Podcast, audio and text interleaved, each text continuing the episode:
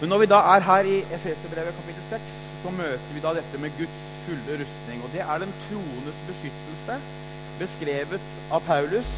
Paulus inspirert av Den hellige ånd.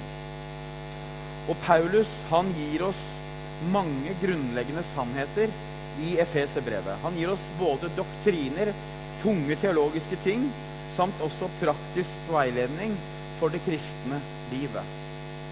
Men det vi skal snakke om i dag, det er denne åndelige kampen som vi står i. For det må vi være klar over, at som kristne så står vi i en åndelig kamp. Noe som denne teksten her beskriver veldig godt. Og å vandre verdig, som Paulus snakker om i kapittel 4, vers 1, eh, det er også begynnelsen på den praktiske veiledningen i Efeserbrevet. De tre første kapitlene i Efeserbrevet det er teologi og, og doktriner for det kristne, og kristen tro, mens kapittel 4, 5 og 6 handler om praktiske ting i forhold til det kristne livet. Og eh, Paulus legger ut i de tre siste kapitlene av Feserbrevet om å leve et liv til ære for Jesus og vandre fylt av Guds ånd. For det skal vi kristne gjøre. Vi skal vandre i ånd, i ånd og kraft. Um, og det er noe dette brevet beskriver på en veldig god måte.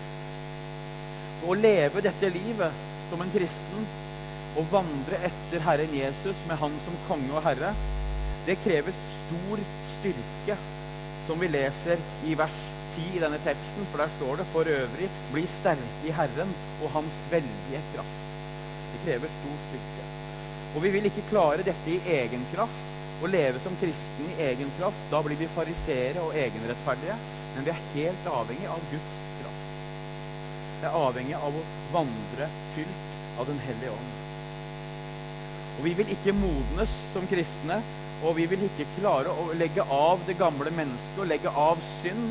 Vi vil heller ikke klare å, å vandre i det nye livet i Kristus i egen kraft. Her trengs Guds kraft. Og som vi vet i denne teksten som vi akkurat leste, om Guds fulle rustning, så bruker Paulus han bruker bildet på en romersk soldat. Og dette ville være for de første kristne i Jerusalem på denne tida når brevet ble skrevet, så ville dette vært veldig lett forståelig. Fordi at romerske soldater det var det overalt. De okkuperte Jerusalem. Så dette bildet på den romerske soldaten det ville vært veldig enkelt å forstå. Men er, jeg skal prøve å si litt hva det betyr, også før vi går inn i hovedverset. Så sammenhengen da, som dette står i, sammenhengen som denne teksten om Guds fulle rustning står i, det er at hvis du vil vandre i Guds kraft, i et nytt liv med Jesus Kristus, så må du ta på deg Guds fulle rustning, som vi leser i vers 11. Ta på dere Guds fulle rustning, så dere kan holde stand mot djevelens listige angrep. For vi har nemlig en fiende. Vi har en fiende, et levende vesen, som vil prøve alt han kan å få deg til å falle, få deg bort fra Gud. Og hvis du ikke kjenner Gud, så vil han iallfall gjøre alt han kan for at du ikke skal noen gang kjenne Gud. Og vi ser at det står beskrevet her om brennende piler som vi skal ta imot, og brennende piler som blir sendt. Og hva er det disse brennende pilene er for noe? Siden djevelen han er ikke i stand til å gjøre Gud noe som helst, for han går på de kristne.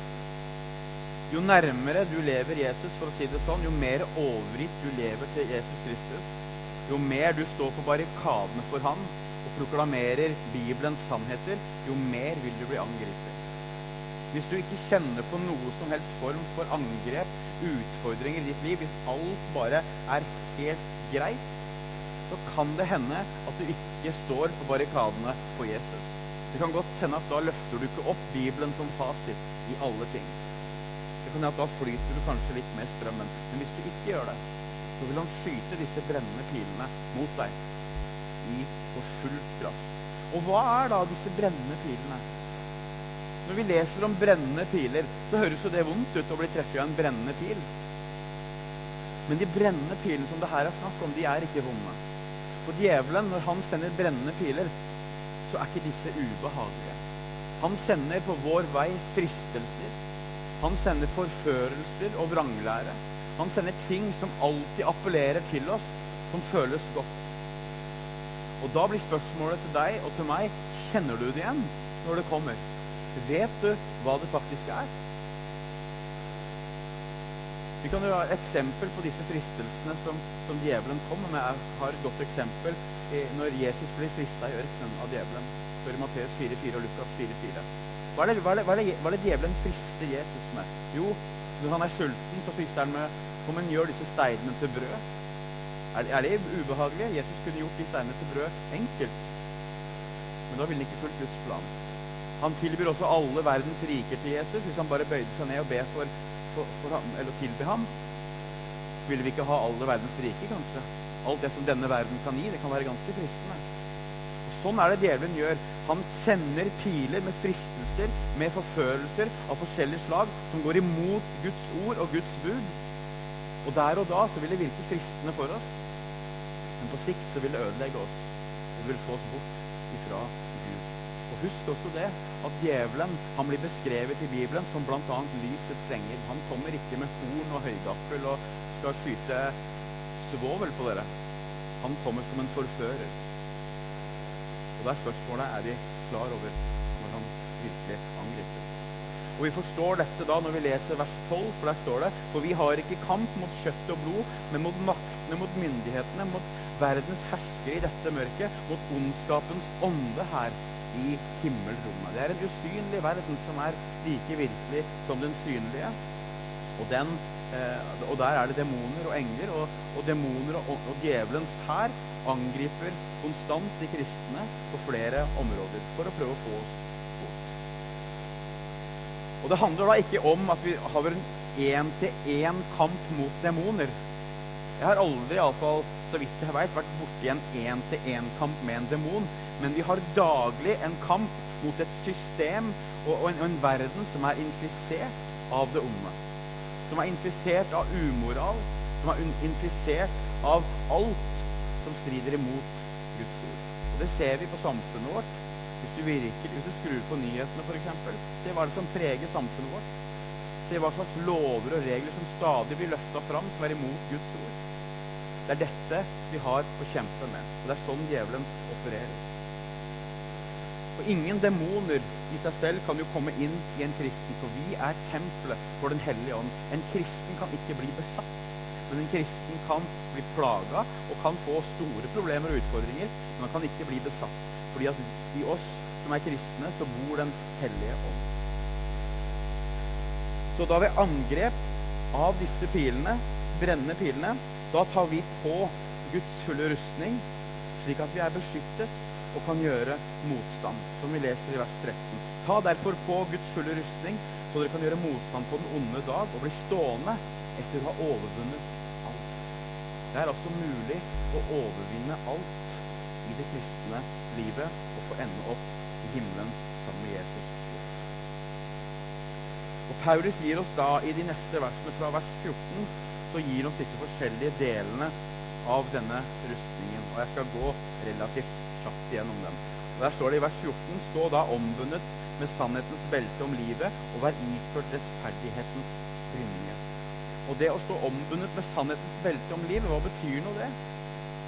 Jo, det betyr direkte oversatt til oss, så er dette et bilde på dette å være motivert og stå, stå fast i Jesus Kristus. Og stramme opp egentlig sin egen motivasjon og stramme opp sine prioriteringer for Jesus. Akkurat som den romerske soldaten. Han hadde et belte rundt rustningen sin som han stramma opp for at rustningen skulle sitte godt og stødig på, slik at han kunne bevege seg fritt i kamp og ha god måte, mulighet til å bevege seg. Og videre så leser vi om rettferdighetens brynje.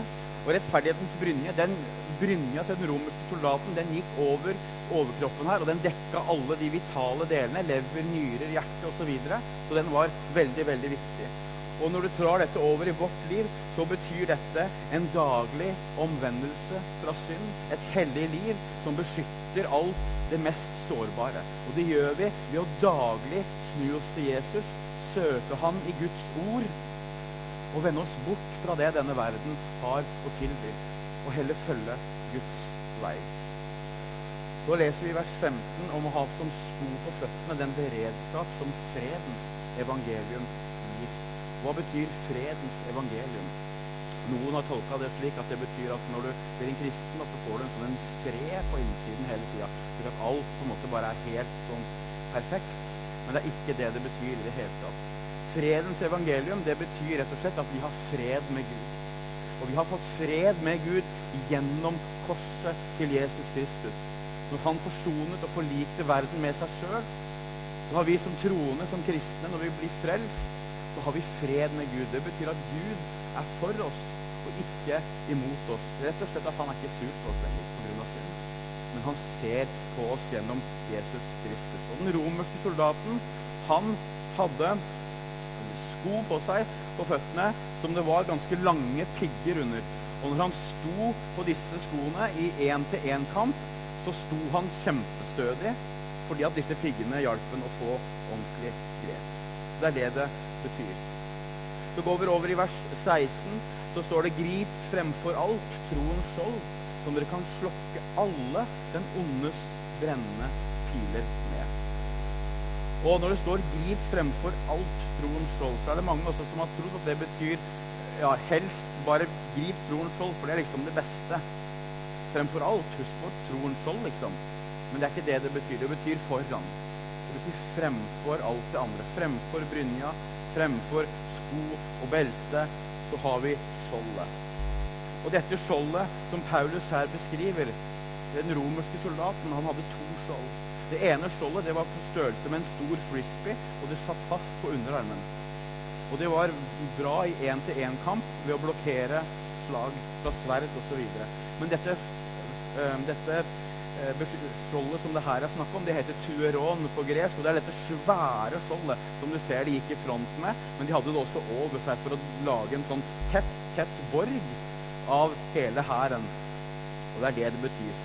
Og dette, når, når hele den romerske hæren sto med disse skjolda foran seg og over seg, så blei det helt tett og ingen brennende piler kunne treffe dem. Og Dette er også et godt bilde på menighetens enhet.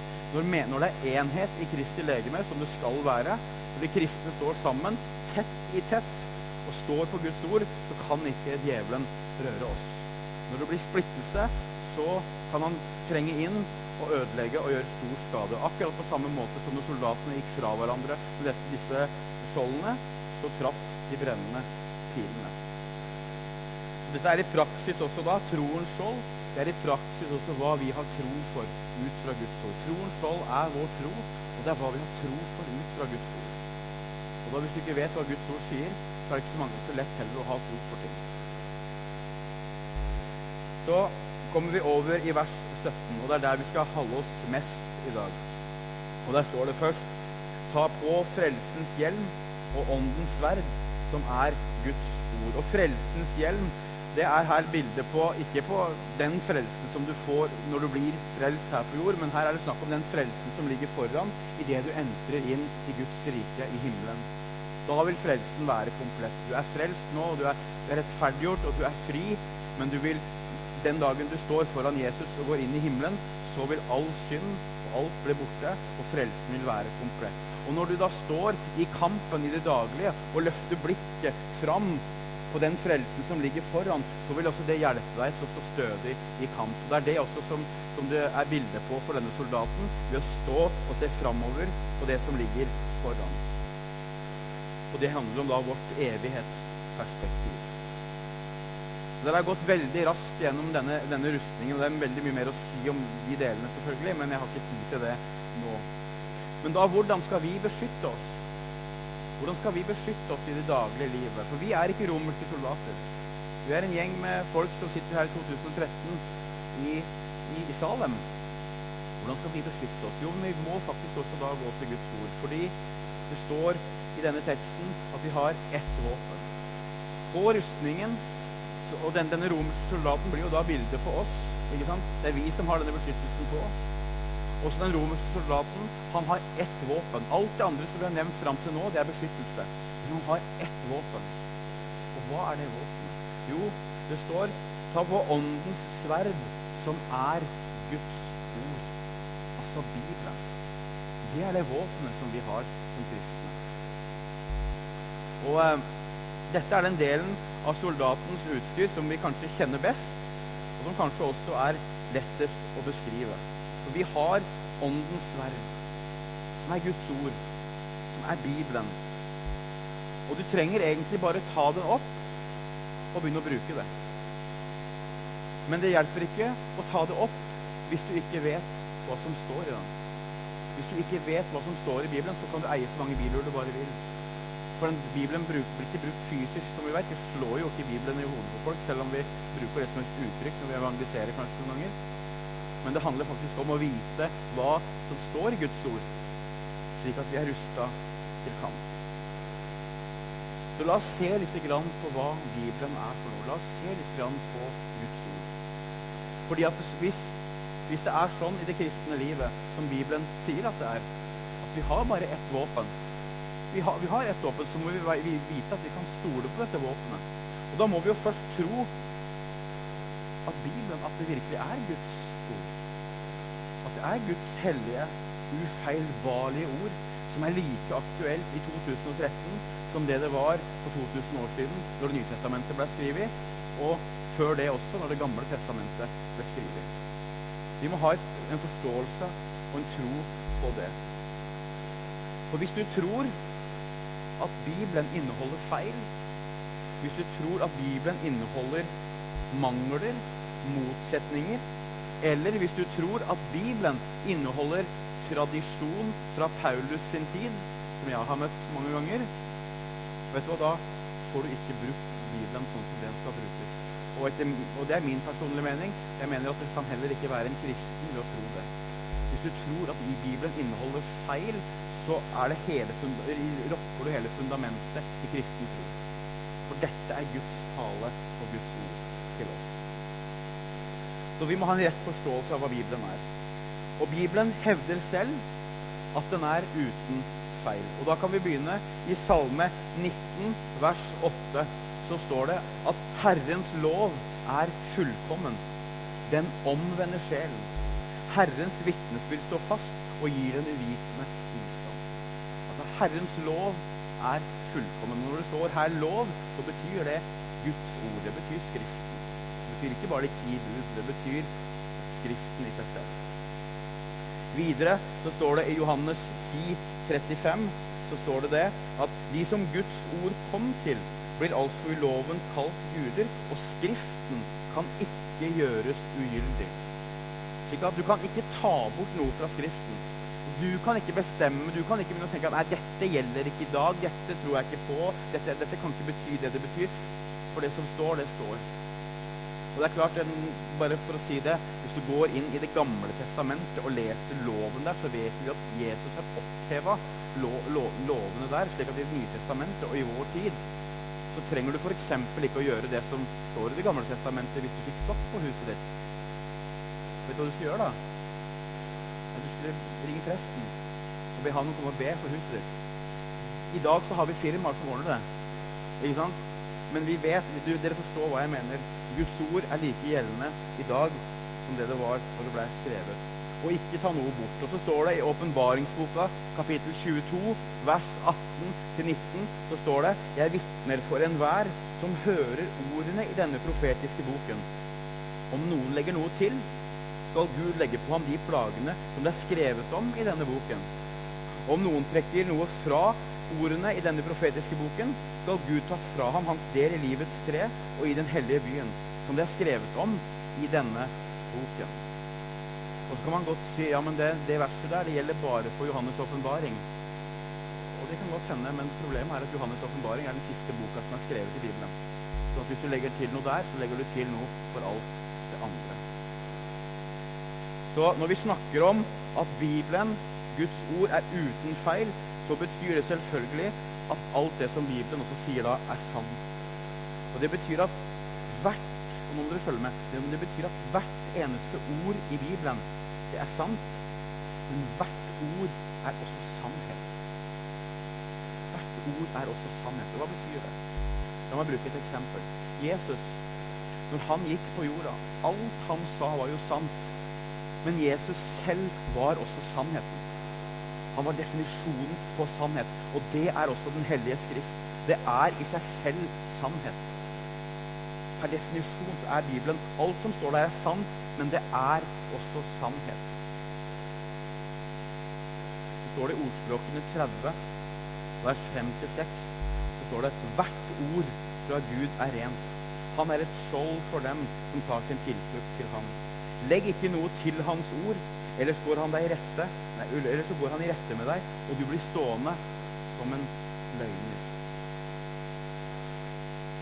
Videre så står det i Salme 12, vers 7, Herrens ord er rene ord, liksom sølv som er lutret i smelteovn, sju ganger rense.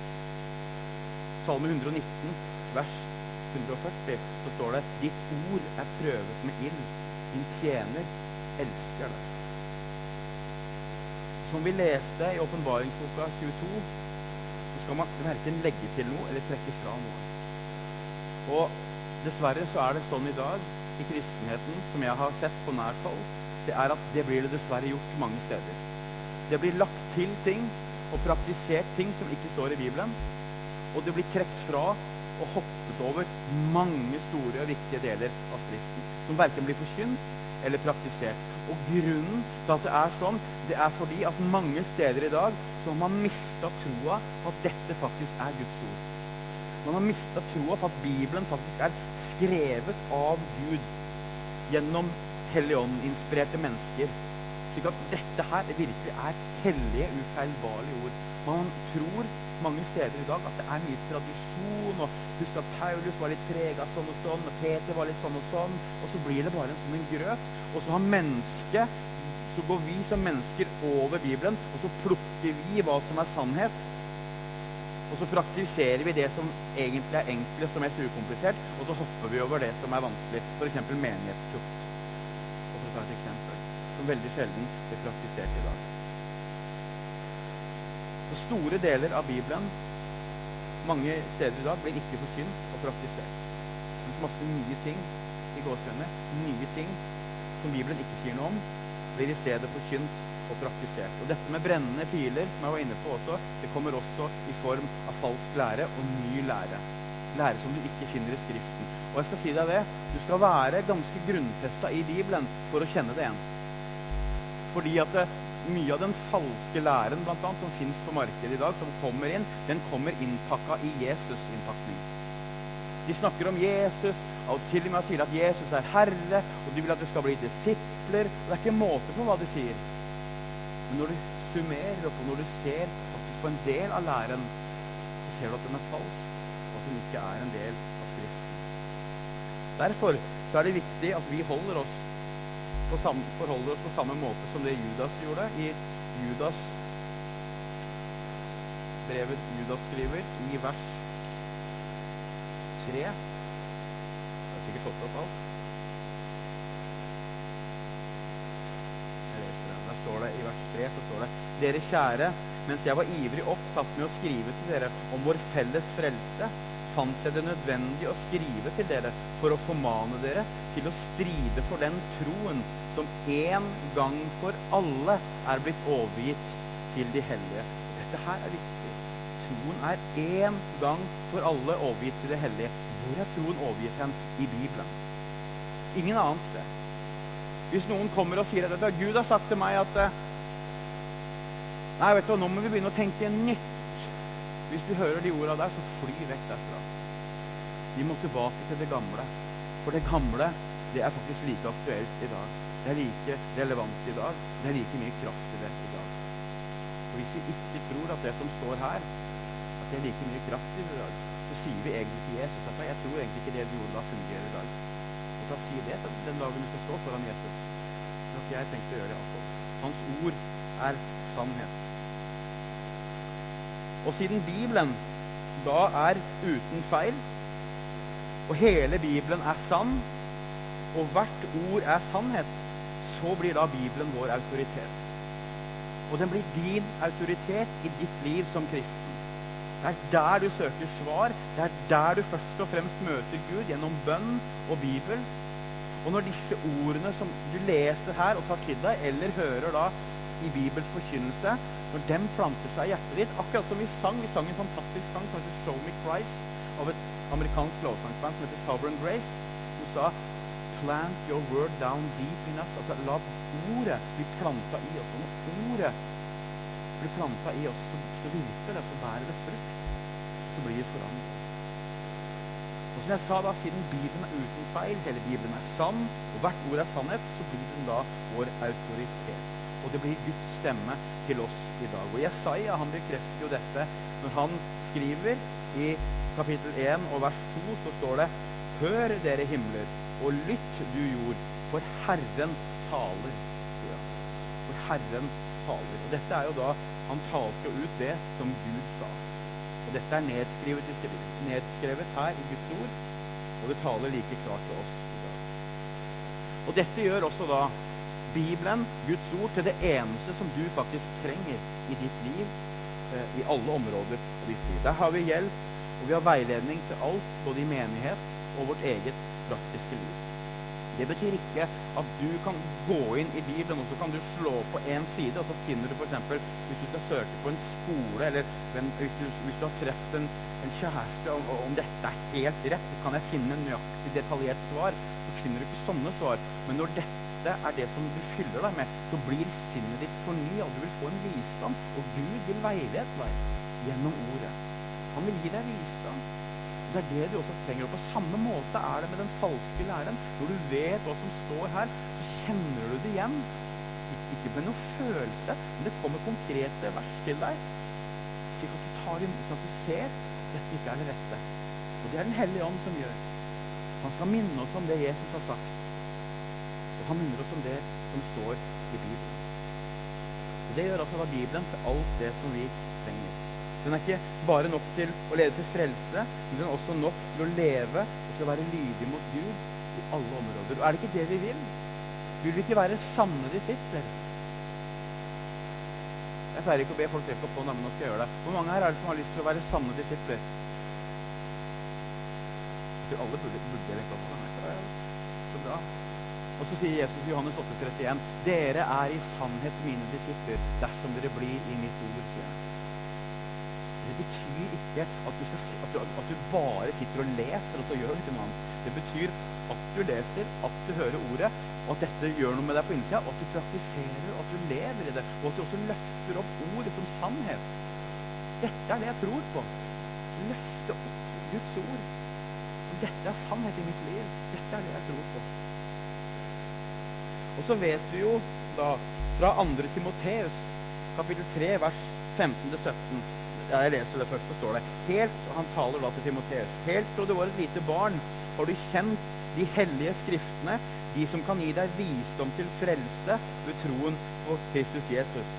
Hver bok i Skriften er innblåst av Gud og nyttig til opplæring, til rettevisning, veiledning og oppdragelse i rettferdighet, slik at mennesker som tilhører Gud, kan være fullt utrustet, satt i stand til all god gjerning. Og vet de, de, den, Bare det verset der det er egentlig en egen tale i seg sjøl. Fordi i dag så snakkes det også veldig mye om gode gjerninger, og være snill, og vi skal gjøre godt. Og ja, det, det er helt sant. Vi skal gjøre godt. Men så sier samtidig dette verset her at når du blir fylt av Guds ord og det som står her, da blir du satt i stand til å gjøre disse gode gjerningene. Ikke, ikke andre veien. Du gjør ikke masse gjerninger, og så en gang iblant må du ta deg litt tid til Skriften og Bibelen, og så bare fortsetter du med gjerningslivet ditt. Da blir det egen rettferdighet. Og da blir det en kristendom som ikke er basert på Guds ord.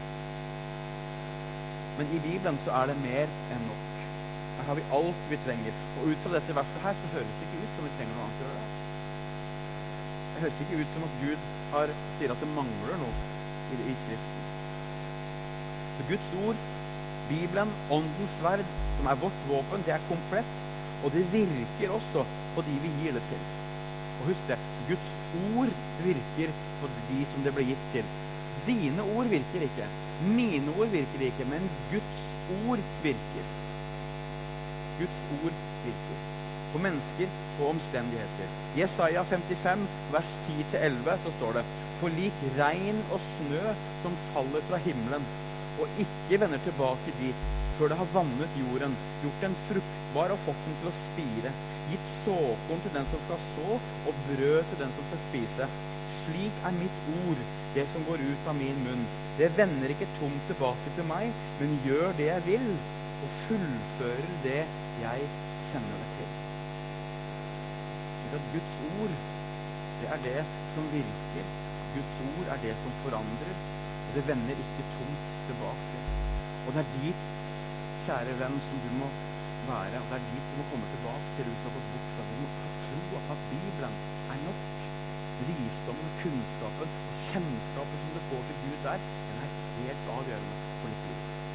Helt avgjørende. Alt det som jeg egentlig har sagt fram til nå, det kan oppsummeres egentlig også i ett vers.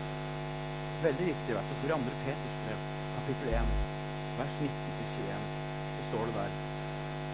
Derfor står også profetordet så mye fastere for oss dette ordet gjør dere rett i å holde fast på. Det er en lampe som lyser på et mørkt sted til dagen gryr og morgenstjernen stiger opp i deres hjerter. Men dere må fremfor alt vite at den ikke kan tyde noe profetord i Skriften på egen hånd. For aldri ble noen profeti båret fram fordi et menneske ville det, men drevet av Den hellige ånd talte mennesker ord fra Gud. At det er Gud som taler til oss i Skriften gjennom hele Skriften. Og det er ingen, ingen annen bok som påstår dette om seg selv. Det er ingen annen bok som, som, som, som påstår å ha denne autoriteten, eller ha å, å, være det det faktisk. Det er bare Bibelen som gjør det. Derfor så trenger du da bare dette ene våpenet, nemlig Bibelen, som er nok til alt, på alle områder, også for å sette deg i stand til et liv i gode gjerninger forfatterne av Det gamle testamentet, de menneskene som, som, som, Gud brukte der, de refererer til det de selv skriver, at det er Guds ord 3800 ganger ca. i Det gamle testamentet. Det er ganske mye. Mens forfattere av Det nye testamentet de refererer også til Det gamle testamentet som Guds ord 320 ganger ca. Slik at Det gamle testamentet også må vi huske på, det er Guds ord på lik linje som Det nye testamentet når Paulus og Peter og de andre apostlene når de reiste rundt og forkynte, de forkynte bare på Det gamle testamentet. For Det nye testamentet var ikke nedskrevet. Når Jesus i Lukas 24 kjenner historien om Emmaus-vandrerne Når Jesus plutselig går der sammen med dem, og hva han gjør for noe? Jo, Han kunne jo egentlig bare stått fram og sagt 'Se, det er meg. Jeg er Gud. Den allmektige. Den store. Se, jeg har stått opp igjen.' Men hva gjør han? Han henviser dem til Skriften Og så åpner han deres forstand slik at de kan forstå Skriftene. Hvorfor gjør han det? Jo, fordi at dette er til etterfølgelse for oss i dag. Det er der du møter Jesus først og fremst. Ikke vent at du er ute og går en tur ned langs vannet her, så plutselig så står Jesus der i person. Det er mest sannsynlig det opplever du ikke. Gud er allmektig. Jeg skal ikke si at han kan gjøre alt. Men du møter ham først og fremst i Bibelen. Først og fremst i Guds ord. Så og Det samme sier jo Paulus i Det nye testamentet. Hva han sier for noe i Galaterbrevet? Ikke har jeg mottatt dette av noe menneske, men ved Jesu Kristi åpenbaring. Så vet at alt som de fikk, det var direkte fra Gud. Dette sier noe om innholdet og naturen i Guds ord, i Åndens sverd. La oss også se litt på hva det gjør, hva det kan gjøre. Og Vi har sagt at det er kraftig. Vi har sagt at det utfører det som det vil og det ikke vender tomt tilbake. Hva betyr alt dette? Hvordan virker dette i praksis? Og Først og fremst, som jeg sa, så er Bibelen kjernen til sannhet. Det er kjernen til sannhet. Og mennesker finner ut der og blir ledet til sannheten i Guds ord. Og hvis du skal lede noen til Jesus, må du lede i ordet. Mange som sier at ja, men de må se på mitt liv, så, så ser de Jesus. Nei, vet du hva, de gjør det ikke.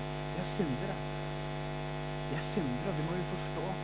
De, de, vil ikke se Jesus i deg, men de vil kunne høre Jesus i deg. Når du taler ordet til dem, selvfølgelig så blir du forvandla, og du gjør gode gjerninger osv. Men det er mange som gjør gode gjerninger, som ikke er kristne også. Skal du geleide noen til Jesus, må du gjøre det i ordet. Fortelle hvem han er, hva han har sagt, ut fra ordet. Akkurat som apostlene gjorde. De henviser til Skriftene hele veien. hele veien. Og I Johannes 17, 17 så sier Jesus i sin ypperste prestelige bønn så sier han 'Hellige dem i sannhet. Ditt ord er sannhet'. Og Da snakker han der om helliggjørelsen, at skal, disiplene skal bli bevart. Hvordan skal det bli bevart? Men de må bli hellige i ordet. Hvor mer skal ikke vi bli hellige i ordet? Når disse tingene her gikk opp for meg, så snudde alt for mitt kristenliv. For jeg, jeg kalte meg kristen, og så leser jeg nesten ikke Bibelen. Og så var egentlig Jesus for meg en jeg hadde skapt i mitt hode. Ja, jeg, jeg sa jeg tror på Jesus, men jeg kjente ikke Jesus ut fra Bibelen. Hvordan kjente jeg Jesus da? Og for en annen ting Disse brennende pilene de traff meg hele tida. Men vet du hva? Sannheten er at jeg kjente dem ikke igjen. De brennende pilene traff meg. Jeg ble, ble lurt på alle mulige områder. Jeg visste ikke hva Bibelen sa før jeg lærte at måten å være utrusta på, det er jo å kjenne sannheten. Johannes 8,32, dere skal kjenne sannheten, og sannheten skal sette dere fri. Jeg ble ikke fri, for jeg kjente sannheten, og sannheten står her. Sannheten står her. I tillegg så er Bibelen altså Guds ord er også kilden til all glede og velsignelse i vårt liv. Ordspråkene 8, 34 så står det at salig er det mennesket som hører på meg, og daglig våker ved dørene mine og holder vakt ved portene mine. Og salig, det vil være et annet ord for lykkelig, altså for velsignet. I Lukas 11, 28 så står det Men Jesus svarte, si heller, salig er de som hører Guds ord og tar vare på det. Hvor mye hører du av Guds ord i ditt liv? Hvor mye hører du av Guds ord i ditt liv? Spør deg selv om det. Ransak deg selv. Det står det også at vi skal gjøre i 1. Korinterbrev 13, nei, 2. Korinterbrev 13, vers 5. Sier Paulus det. Ransak dere selv. Se om dere er i troen. Hvordan gjør vi det? Vi gjør det med Guds ord. Vi gjør det med Bibelen. Er også kilden til å vokse, for vi skal vokse som kristne. Vi skal modnes. Så står det i 1. Peter 2,2 så står det Og lengt som nyfødte barn etter ordets rene melk, så dere ved den kan vokse til frelse. Her er det også snakk om den frelsen som ligger foran, men løpet fram imot det er at vi skal vokse og modnes som kristne. Paulus snakker om det i Romerne 12, 2. Bli fornyet i deres sinn. Jeg tenkte, Hvordan blir jeg fornya i mitt sinn? Jeg skjønte ikke at det var Bibelen før. Jeg. Jeg trodde at jeg, at jeg, jeg, trodde at jeg ble fornya i mitt sinn bare ved å være i et kristent miljø og liksom høre litt lovsang her og der. Og, og lovsang er jo bra, det er ikke det. Det er Guds ord som fornyer. Men jeg begynte å lese Bibelen og begynte å være en student av Guds ord, det var først da jeg begynte å erfare Jesus. Ikke fordi jeg skal være en sånn teoretiker og sitte og kunne all gresk og all teologi og alle doktriner forlengs og baklengs, selv om jeg syns det er fantastisk kult òg. Men det er ikke det. Det handler jo om liv. Det skal være liv. Og når jeg leser dette og tar dette til meg, så har jeg lyst til å være ute blant folk og, og både formidle og leve et liv til ære for Gud. Det er like mye det. Men vi må forstå at det begynner i Skriften. Det begynner i Skriften. Og det skal til, og det skal vedvare i Skriften. Mennesket lever ikke av brød alene, men av hvert ord som går ut av Guds munn, sier Jesus. Og når det går ut av Guds munn, så er ikke det en stemme som plutselig kommer til deg som en sånn Nå skal du høre her. Det er det ikke. Det er Guds ord gjennom Bibelen. Hvis du plutselig begynner å få sånne stemmer i hodet ditt, så kan du ringe meg, så jeg gjerne høre at den høres ut. Så skal jeg be for deg. I Guds ord så finner vi altså ekte glede. Vi finner velsignelse og lykke. I Guds ord finner vi også det da som vi kan vokse av, slik at vi blir mer og mer lik Jesus. Så sa jeg også at, at Bibelen er en kraftkilde, og evangeliet i seg selv det er jo det det er mest kraft i. Romerne 1, 16, så sier Paulus For jeg skammer meg ikke over eh, evangeliet. For det er, det er, en Guds kraft til frelse for hver den som tror. Jøde først, og så greker. Altså, evangeliet er der kraften ligger. Og hvor finner du evangeliet? Du finner det i ordet. Det er sist gang du formidla evangeliet til noen, slik som det virkelig er i Bibelen. Det er sist gang du formidla evangeliet til deg sjøl minte deg på Jesus det fortjennende død for deg. At han hang der for deg. At han ble til synd for deg. At han sto opp igjen for deg. For at du skal bli rettferdig for Gud. Disse nyhetene der, disse sannhetene der, det, det må være drivkraften i vår kristne. Og Bibelen er også levende. Guds ord er levende. Så står det i Hebreerne 4,12.: For Guds ord er levende og virkekraftig og skarpere enn noe tveget sverd. Det trenger gjennom til det kløyver sjel og ånd og marg og bein og dømmer hjertets tanker og planer. Vet du hva? Jeg vet ikke om noe annet som er skarpere enn et tveget sverd. Det er bare Guds ord for meg. Og når du lar dette ordet her virke, så kan disse pilene bare komme. For å bruke disse bibelske bildene, så vil du ha troen så oppe. Og du vil kunne blokkere dem. Men hvis ordet ikke er i deg, vet du hva, så blir du truffet hele tida. Og du blir rivd i filler av djevelen. Husk, det, djevelen han er mye sterkere enn det vi er. Vi må ikke måle oss med han. Han kan Bibelen utenat. Han er allmektig, han òg. For utenom Gud. Han gjør nesten alt. Så Guds ord, det, har, det er ingenting som har en så stor effekt på mennesker som Guds ord. Det må vi ikke miste tro av. Du leser et vers, du setter et vers, du sender en tekstmelding med et bibelvers til et annet menneske, du leser det, det er det som Gud som taler til det mennesket. Og ordet vender ikke tomt tilbake. Ha tro på det. Hvis du syns det er vanskelig å vitne, syns det er vanskelig på en måte å, å formidle, så send en tekstmelding da vel. Guds ord. Får du gardert deg, så, får du så er det evangelist likevel. Og Guds ord som jeg sa, det er også kilden for veiledning, både åndelig og praktisk. Salme 119, vers 105 sier at 'ditt ord er en lykt for min fot og et lys for min sti'. Det er så mye sånne sannheter. Er alt det Bibelen sier om seg sjøl, og linker over i vårt liv, hvordan dette skal fungere i praksis. Så reiser jeg så mye rundt som det jeg gjør, og så treffer jeg både ungdom og eldre som kaller seg kristne, og så leser ikke Bibelen.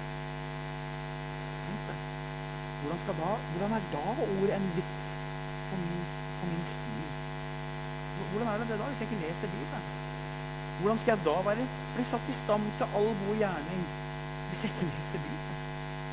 Hvordan skal jeg kunne ta imot de brennende pilene fra djevelen og kjenne igjen falsk lære hvis ikke ordet er det som fornyer meg og, styrker meg? Og det som jeg lever ved. Det er merkelig, det der så står det også at Guds ord er også kilden til trøst. I Romerne 15, vers 4, så står det Og alt som før er skrevet, henviser da til tekstene i Skriften, er skrevet for at vi skal lære av det. Vi skal ha håp gjennom den tålmodighet og trøst som Skriftene gir. Hvis du har en dårlig dag, les Bibelen. Les salmene. For en god dag, så les Bibelen. Les salmene da òg det, det er fantastisk uansett. Så Guds ord er også kilden til åndelig seier.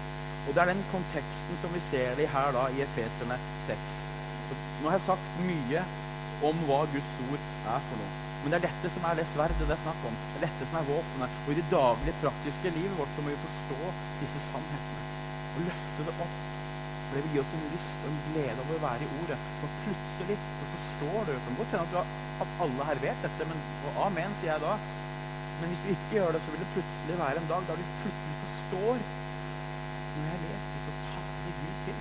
Han som har skapt himmel og jord, stjerner og hav, sol og måne. Han som har satt planetene akkurat der som de skal stå. Han som har plassert alle stjerner der som de står.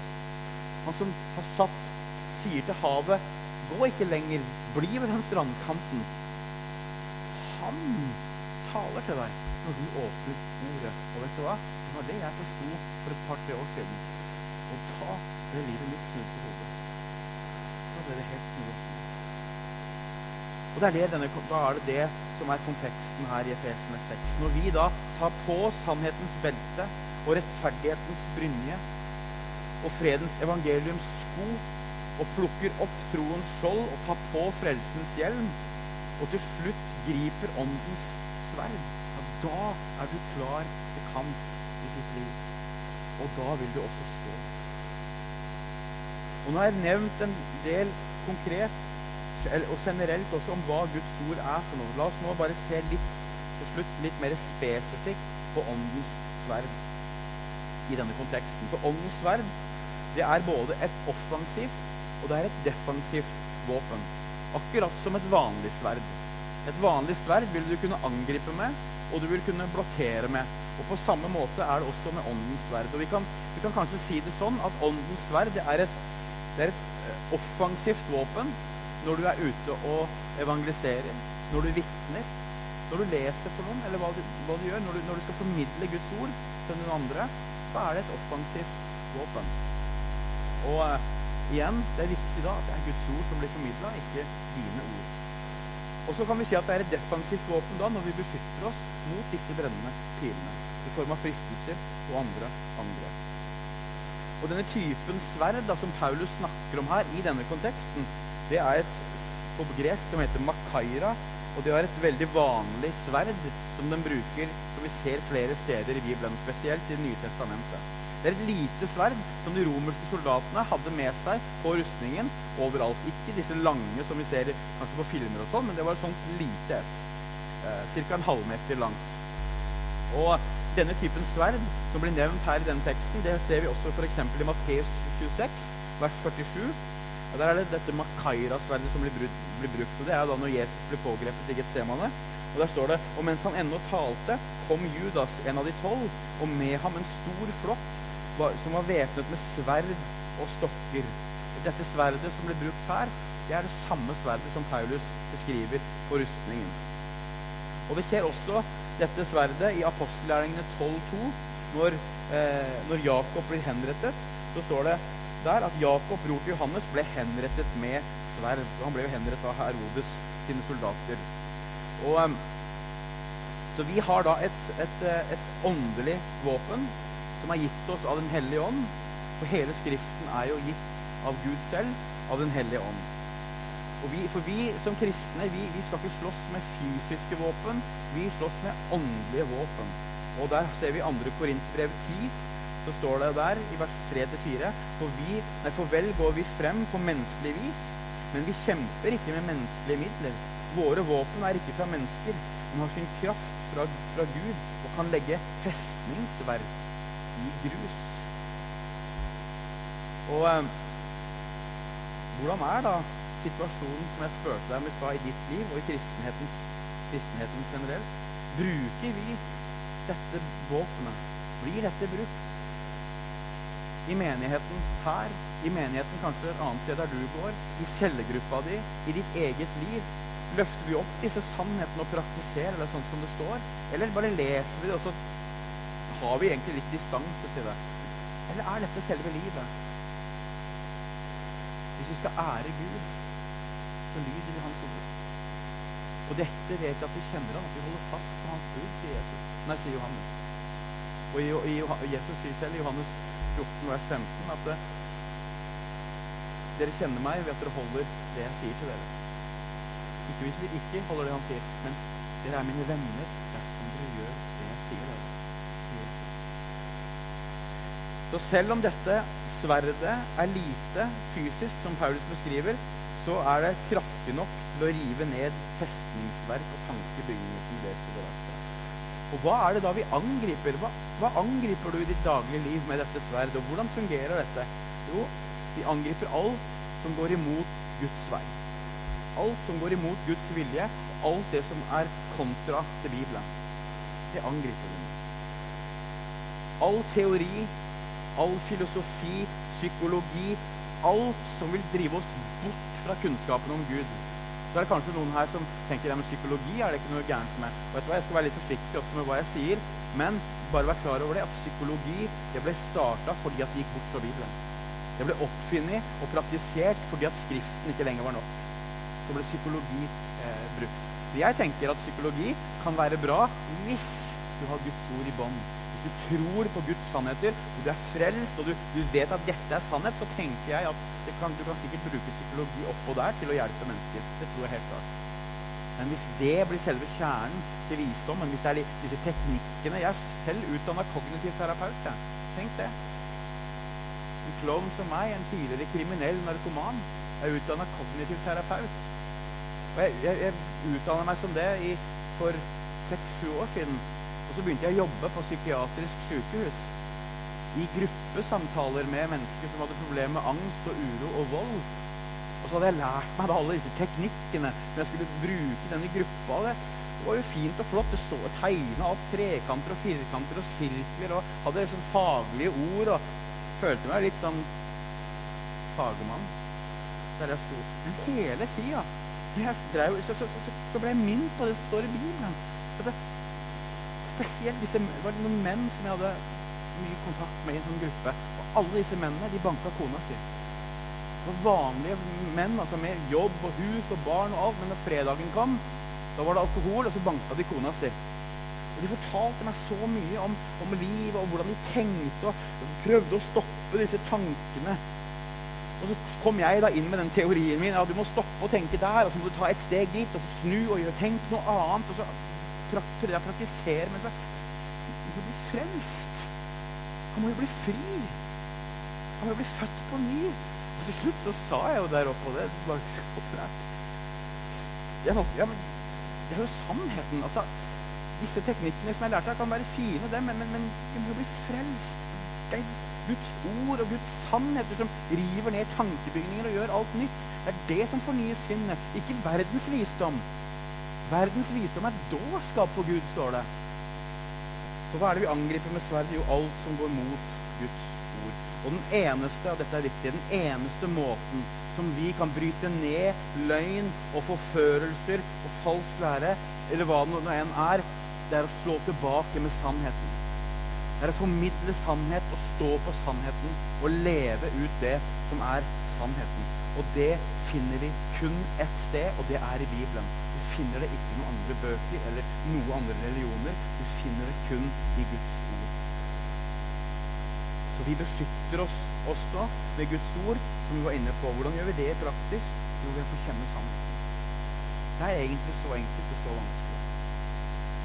Kjenner du sannheten, så vil du være rusta du vil kjenne igjen hva som er hva.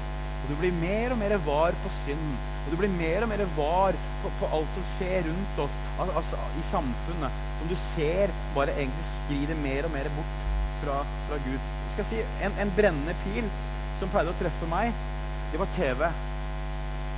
Og jeg syns det var så kult med reality-TV. Jeg syns det var så fascinerende å se på reality-TV. For dette var jo ekte.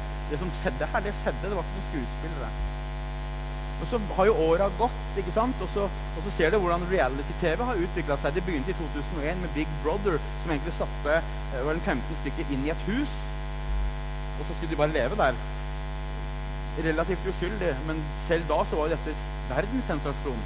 Mens i dag så ser du disse her, eh, hva det heter, Paradise Hotel og sånn. Der det egentlig er om å gjøre å ha mest mulig sex på kortest mulig tid for mest mulig TV-seere.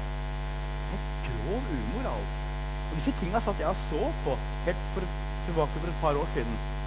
Dette, dette, tenkte jeg var helt greit. Jeg dro jo på møte på søndag likevel. og Sto og prisa Gud. Og, og, så dro jeg hjem, og så så jeg på disse umoralene som Gud hater. Du så, når jeg begynte å lese ordet Jeg opplevde omvendelse i mitt liv for to-tre år siden. Og da og så, og så Nei, dette ikke rett. Det var ingen som kom og sa til meg å, du må ikke se på de TV-programmene og du må ikke se på de filmene. og du må ikke, Det var ikke sånn. Det er Gud som korrigerte meg via ordet. Jeg begynte, begynte, ikke da, jeg har blitt så flink bare ikke, ikke få det inntrykket, altså. Men, men, men, når ordet ble levende i meg, når, når jeg forsto noen av disse sannhetene her, så, så skjønte jeg jo at det, Første Korinterbrev 10.31, hva står det der? Om dere spiser eller drikker, ja, hva hen dere gjør, gjør det til ære for Gud. Jeg æra jo ikke Gud når jeg satt og så på disse halvnakne menneskene og nakne menneskene også, som hadde sex. Og drakk og festa. Altså, hvorfor Gud ære det? Og så satt jeg og likte det. Og dette møtte Gud meg helt konkret med. En annen, en, en, en vis mann faktisk, som sa til meg En, en god venn av meg som, som har mye visdom innenfor Guds ord, han sa noe som egentlig ikke står i Guds ord, men som, er, som jeg har med meg i dag, fortsatt, og som ble så sterkt for meg. Han sa og Da snakka vi om dette med TV-programmer og vi om andre ting også. også av det verden har å tilby av fristelser. Så sa han hvis Jesus ikke kan sitte siden av deg når du gjør det, så ikke gjør det. Det er et vis, det er vise ord, altså. Tenk sjøl. Tenk at hele, Den hellige ånd bor i deg. Og tenk at Jesus han sitter siden av. Han er med deg. Og hvis han ikke kan sitte siden av deg når du gjør det, så ikke gjør det. Alt til ære for Alt ære for Gud. Og denne visdommen da, som du får i Guds ord, den kan du bruke altså, helt konkret inn i situasjoner. Helt direkte. Og dette betyr og dette vil bli naturlig for den kristne ettersom at ordet fornyer deg. For eksempel, når hvis du kommer i en debatt med, om hvordan jorda ble skapt, f.eks., så må ikke du begynne om Ja, jeg tror at det er sånn og sånn. Guds ord sier Første Mosebok 1.1. Og så leser du utover. Når du vet hva som står der, så vet du hvordan jorda ble skapt. Og etter mitt syn så vet du også hvor lang tid det tok. Men du vet, da kan du bruke disse tinga. Hva sier, hva sier hva sier Bibelen om ekteskapet? Nei, i dag så er det sånn og sånn og sånn vil verden si. Nei, men Guds ord sier at det, og så vet du hvor det står. Du vet at det står i 1. Korinterbrev kapittel 7. Du vet at det står i Efeserbrevet 5. Så, ligger dette i det. Så er det denne måten vi snakker på og argumenterer med. At vi vil tale Guds ord, Guds vei. Det er vi vil formidle. Ikke noe annet. Vi vil ikke ha noe annet enn det som Gud har for oss. I hvert fall ikke jeg det. Jeg er ikke interessert i det verden her. Hva hjelper det om du vinner hele verden, men taper din sjel, sier Jesus i Markus 8,36. Hva hjelper det? Hus, jeg tenkte I dag så er jeg på prinsessebryllup på TV. I dag så er jeg på TV, forresten. Bare sånn, Jeg så på TV i dag. Trine har synda. Men jeg så på Madeleine, den svenske prinsessa som gifta seg. Så sa alle disse rike folka som kommer inn der, vet du, i kjoler og limousiner og yachter og helikopter. og Det er ikke måte på. De smiler, og de er så lykkelige med alle gullkjeder og smykker. Så tenkte jeg bare plutselig så hører de lyden her. Så er livet over. Så kommer Gud og krever deres sjel. Da hjelper det ikke med luksusjobb. Da hjelper det ikke med fine biler eller fine kjoler eller kritthvite tenner og et perfekt smil. Det heter kun Jesus Kristus og Han korsfestet. Evangeliet, som er Guds kraft til frelse, er det eneste som vil hjelpe oss på dommens dag. At man har tatt imot det. Og den kommer for oss alle. Og det vil du også kun vite gjennom å være i Bibelen. Og Det er trist å se hvordan Bibelen i dag ikke blir brukt, og hvor fattige derfor mange er rundt på bedehus og i menigheter. Mottagelig for alt. Bare si, bare de hører litt om Jesus, så tar vi det imot, og så omfavner de det. Sånn er det mange steder i dag. Ingen sperre. Og jeg har sittet og sett direkte inn i bedehus, tradisjonelle bedehus, der det blir forkynt falsk lære fra scenen, og folk sitter og omfavner det og sier amen for at de hører navnet Jesus. Vet du hva, Vi må tilbake til Guds ord. Blir, hva gjør vi da? Når vi gjør sånn som de i Berøa. Paulus kommer fra Cessalonika, og så kommer han inn i Berøa på en av misjonsreisene sine. Og så kommer han inn der, og der møter han et folk som ikke tok alt det han sa for god fisk. Og det vil jeg at dere skal gjøre med alt det jeg sier også. Ikke et ord så lenge jeg ikke leser direkte fra Bibelen, for da kan dere ta det for god fisk. Men alt jeg sier, gransk Skriftene. Ikke hør på Bjørn, hør på Guds ord. Les Bibelen. Det er der du finner svarene. Hva gjorde de for noe i Berøa når Paulus kom? Jo, der står det apostelgjerningen 17, vers 11. Jødene der hadde et edlere sinnelag enn de i Tessalonika. Og de tok imot ordet med all velvilje og gransket Skriftene daglig for å se om alt stemte. Hvor mange møter er du på, eller andre settinger, der du får høre ting, så sjekker du med Bibelen etterpå? Gransker du Skriftene for å se om det Bjørn sier, er sant, eller andre sier er sant? Og Hvordan blir vi et slikt folk? Hva er det vi skal gjøre i praksis? Jo, Esra han gir oss et veldig godt svar i Esra kapittel 7 og vers 10. Der står det For Esra la hele sitt hjerte i å granske Herrens lov, følge den og lære Israel lov og rett. Hva er det Esra gjorde for noe? Jo, han bestemte seg for å studere ordet. Lære seg Guds lov, praktisere det sånn som det står, og lære det til andre. Og det er jo det Jesus også sier til oss i misjonsbefalingen. Gå derfor ut i alle folkeslag som mine disipler.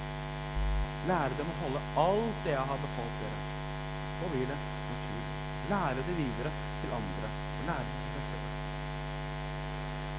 Flere av disse store i kirkehistorien som jeg syns er interessant å lese om, f.eks. John Wesley, som var leder for metodistene. Han var oppe hver morgen klokka fem og leste.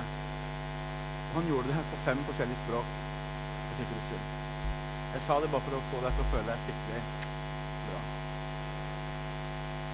Martin Luther. Martin Luther. John Calvin. Charles Spurgeon. Carl Olof Rosenius. Eller kanskje Øyvind Andersen. Carl Fredrik Wisløff. Hva som kjente seg igjen disse Guds menn? De var studenter av Guds ord. De visste hva Bibelen sa. Jeg leser, jeg leser, om Luther om dagen. Luthers teologi heter den boka. For dette Luther han gjorde ikke noe annet enn å lese og studere og praktisere og formidle. Lese, praktisere, studere og praktisere. Det eneste han gjorde. Og vet du hva? Det ble det frukt av oss, og det ble en reformasjon ut av det. Så må man selvfølgelig da være født på ny for å ta imot dette og for å lese, men det, det forstår vi. At Bibelen er for en kristen, for et kristent menneske. Men man kan også bli født på ny ved å lese Bibelen. Så er vi da kalt til et hellig liv i lydighet, som det står i Jakob 1,21.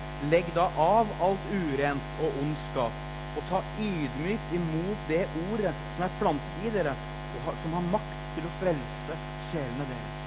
Det er ordet som har makt til å frelse sjelene deres. Og så kommer det et kraftig vers i 1. Tessaloniker 2,13. Snart ikke flere vers igjen, men dere har litt mer tålmodighet. Derfor takker vi stadig Gud for da dere fikk overlevert det Guds ord som vi forkynte for dere, tok dere imot det ikke som menneskeord, men som det Guds ordet i sannhet er. Og dette ordet, det som virker i kraft hos dere som tror. Så det naturlige for oss som kristne, det skal være at ordet er det som former oss. At det er ordet som forsvarer oss. At det er ordet vi angriper med. For det er det som er åndens vei. Og det er det våpenet vi har. Det er det utstyret vi har. Alt annet er beskyttelse. For meg, helt konkret, praktisk sjøl, så har det hatt god nytte av å lese ordet, og deretter sitte og tenke og be over det jeg har lest. Og også lese en del kommentarbøker for oss som av gode menn som kan forklare hva dette virkelig betyr. Så da å ta på Nå skal vi begynne å gå inn for landing. Å ta på Guds fulle rustning, som vi begynte med, det er da å kunne bruke Guds ord rett. Å ta på Guds fulle rustning det er å kunne bruke Bibelen. Forstå Bibelen. Formidle Bibelen. Bruke Guds ord rett. På den, på den, måten så blir egentlig hele rustningen også et bilde på Jesus. For det står at vi, vi skal ikle oss Kristus, står det. Vi er den romerske soldaten, men beskyttelsen vår det er Jesus det blir å ikle oss Kristus. For han er vår rettferdighet. Han er vår sannhet. Han er vår fred, og han er vårt lys.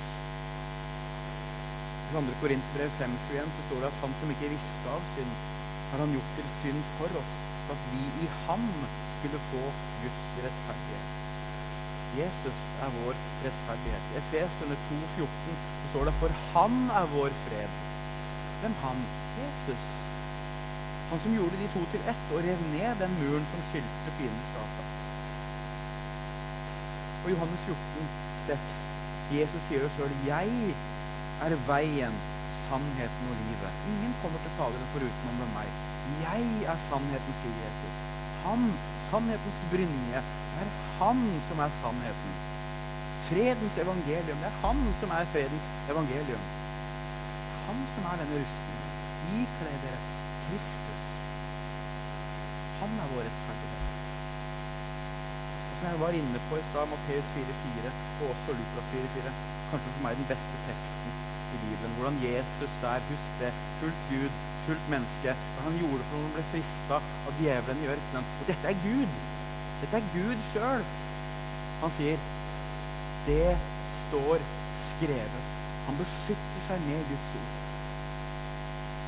Han beskytter seg med Guds ord. Du vil ikke møte djevelen face to face fysisk sånn. Du trenger å si dette, men du møter et system som er infisert av djevelen. Du møter falsk lære og vranglære her og der. Og da når ordet er i deg, så, er så sier du på en måte inni deg Det står skrevet når du beskytter deg. Det står skrevet. Så er det dette som vil være din styrke og din sikkerhet Gud selv forsvarer seg med Guds ord. Så står det til slutt også at, at i Bibelen så blir også ordet kalt livets ord fordi at det gir åndelig liv. Det står i Filipperne 2,16 så står det når dere holder fast på livets ord, da skal jeg få den ros på Kristi dag at løpet mitt, eh, løpet mitt og strevet mitt ikke har vært forgjeves. Og Johannes 5, 24. Sannelig, sannelig sier dere, den som hører mitt ord og tror på Han som har sendt meg, har evig liv og kommer ikke for dommen, men er gått fra døden til livet. Dette er evangeliet. Vi jeg skal oppsummere Hvis jeg går gjennom alle bibelvers en gang til og oppsummere Mens jeg skal oppsummere, så Håndens sverd, det er Guds ord, det er Bibelen. Og hvis du skal sitte igjen med noe her i dag, så husk forstå tro at dette er Guds tale til deg i dag. Dette er Guds stemme. Og hvis du vil stå i hverdagen, hvis du vil bli beskytta og bevart, og hvis du vil ha visdom altså Det er Bibelen der, der du finner det. Du vil ta de rette valga i ditt liv, vær i ordet, slik at Gud er den som gir deg visdom. Velg Guds vei Alltid. Ikke din vei, men Guds vei. Det vil koste. Det vil være vanskelig. Men husk, som Paulus sier, hva slags seierspris som ligger der foran. Tro på ordet. Tro på Jesus. La oss be til det.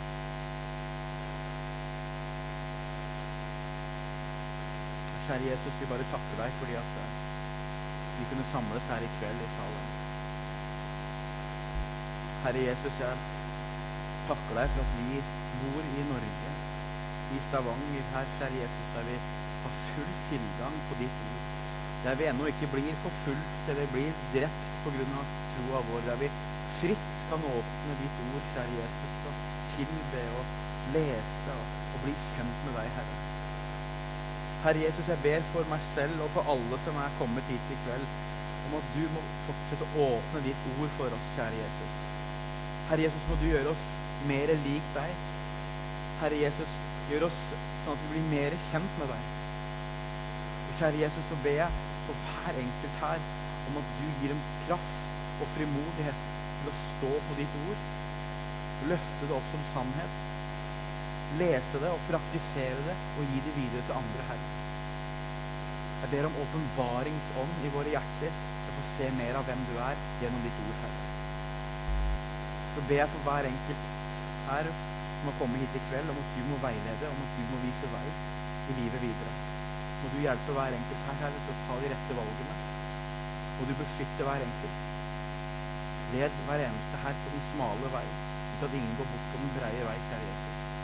Det ber vi Så tilber vi deg i kveld, Jesus, og vi takker og priser deg, for du er vår Gud og vår Herre. Jeg ber om din velsignelse over Salem menighet, over alt som pågår her.